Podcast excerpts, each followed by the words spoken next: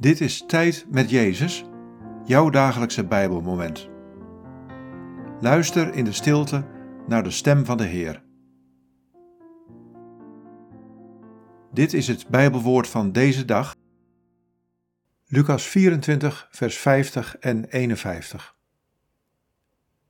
Hij nam hen mee de stad uit tot bij Betanië. Daar hief hij zijn handen op en zegende hen. Terwijl hij hen zegende, ging hij van hen heen en werd opgenomen in de hemel. Wat valt je op aan deze woorden? Wat raakt je? Hij nam hen mee de stad uit tot bij Betanië. Daar hief hij zijn handen op en zegende hen. Terwijl hij hen zegende, ging hij van hen heen en werd opgenomen in de hemel.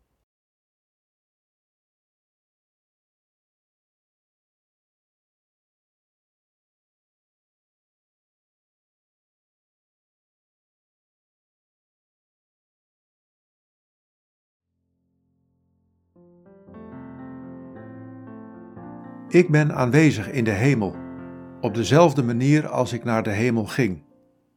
Zegenend. Ik zegen jou vanuit de heilige hemelse ruimte, een ruimte die zeer nabij is, met liefde en vreugde, met genade en kracht. Ja, ik geef je al het goede en raak je aan met mijn geest. Ik ben dichterbij dan ooit.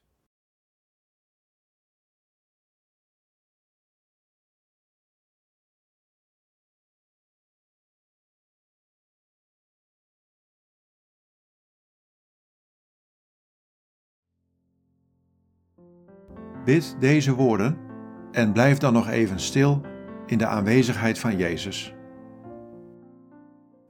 Jezus, dank u dat u zegenend nabij bent.